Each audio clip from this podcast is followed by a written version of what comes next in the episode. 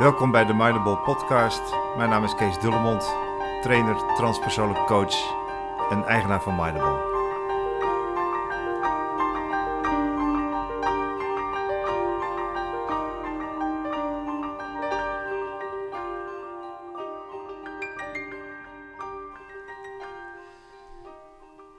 Hallo, weer een nieuwe podcast van Mindable. Ehm, het lijkt me leuk om eens met jou te mijmeren over uh, gedachtes en over gevoelens.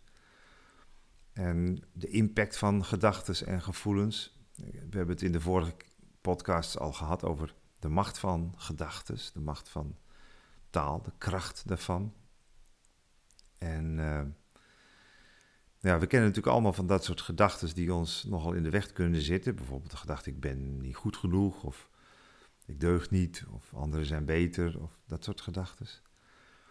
En we weten ook wat voor een emotionele impact dat op ons kan hebben. Dat kan ons bang maken, dat kan ons ook weerhouden om allerlei dingen te doen die belangrijk voor ons zijn, en van betekenis zijn. En uh, we weten ook allemaal dat we heel vaak geleid worden in ons gedrag en in de keuzes die we maken in ons leven door dit soort gedachten. Uh, heel veel uh, dingen die we doen zijn gebaseerd op proberen te vermijden dat we ons vervelend voelen of moeilijk, moeilijke gedachten hebben. En dat is uh, jammer, omdat uh, als we ons alleen maar laten motiveren en alleen maar laten leiden door het uh, vermijden van moeilijke dingen, ja, dat zal ons toch in ons leven enorm beperken in mogelijkheden, in het doen van dingen die belangrijk zijn of dingen die uh, voor jou van betekenis zijn. Dus met andere woorden, hoe gaan we nou om met dat soort gedachten en emoties en gevoelens? Veel therapeutische systemen zijn erop gericht om de gedachten zelf aan te pakken. Dus door je anders te laten denken. Dus door overtuigingen die je hebt over, over jezelf en over de wereld, die nogal beperkend zijn, om die als het ware te ontdenken, alsof ze er niet meer zijn, en misschien zelfs te vervangen door gedachten die, uh, ja, die dan vermogend zijn of uh, die uh, helpend zijn, helpende overtuigingen. Maar het is ook een andere manier en dat blijkt, en de wetenschap die doet er veel onderzoek naar en alles wijst erop dat het ook werkelijk zo is. Het is een andere manier om daarmee om te gaan, namelijk om ze niet meer zo'n centrale plek in je leven te geven.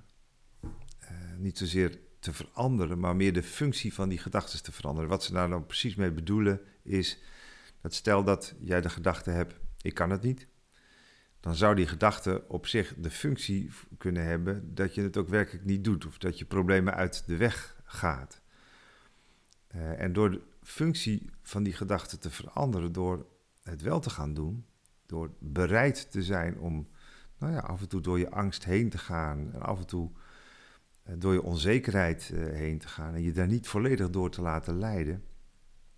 Um, dat blijkt eigenlijk een veel effectievere manier te zijn om met dit soort gedachten en gevoelens om te gaan. Je zal dan merken dat als je dat doet, hè, door simpelweg een vorm van exposure noemen ze dat eigenlijk in de psychologie, simpelweg er naartoe te gaan, op een milde manier, je hoeft jezelf daar helemaal niet in te forceren, maar er wel naartoe te gaan en af en toe het ook echt aan te gaan, zul je merken dat, ja, wat ze dan zeggen, de relatie die jij hebt met dat soort gedachten en gevoelens langzaam uh, anders wordt. Hè. Het komt wat meer op afstand te staan. Het, komt wat, het wordt wat minder um, een centrale, centraal thema in jouw leven.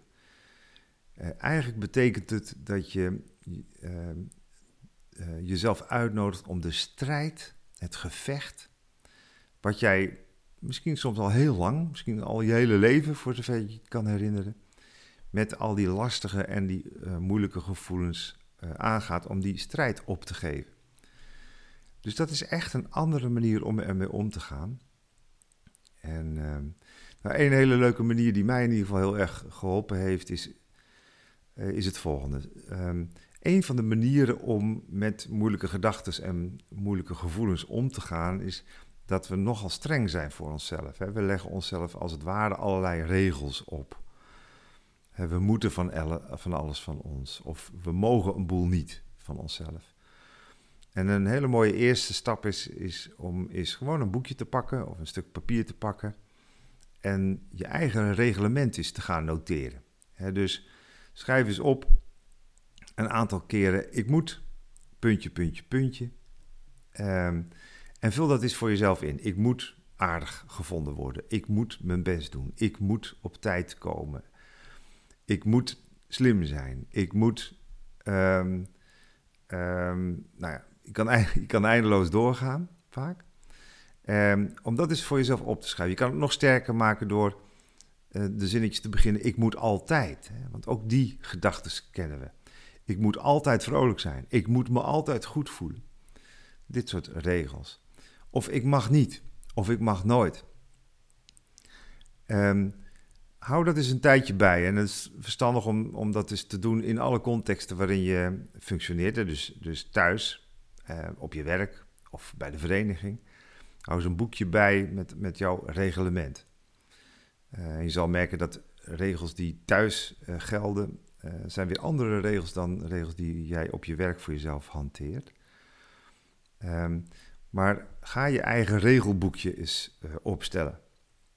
En als je eens een end op weg bent daarmee, ga eens kijken welke regels nou heel streng zijn en welke regels nou wat milder zijn.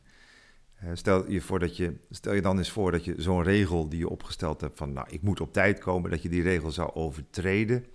Ja, met welke gevoelens gaat dat dan te paar, gepaard? Als dat nou heel, hele heftige gevoelens zijn, dan is dat eigenlijk een hele strenge regel die je jezelf oplegt. Uh, en, uh, maar goed, als, als je het, het, niet echt lastig vindt om zo'n regel te overtreden, dan is dat niet zo'n strenge regel. En zo kan je een klein beetje een rangschikking maken van die regels. Hè. Je kan op die manier die regels scoren. Je kan er een cijfer aan toekennen. Dus misschien is het een hele goede oefening om je regels eens uh, op te schrijven. Je eigen reglement eens op te schrijven. Kan soms heel frustrerend zijn hè, of confronterend, laat ik het zo zeggen. Waarbij je jezelf ineens realiseert van jeetje, wat ben ik toch eigenlijk streng voor mezelf. En ga die regels ook eens uh, scoren. Geef er ook eens een cijfer aan.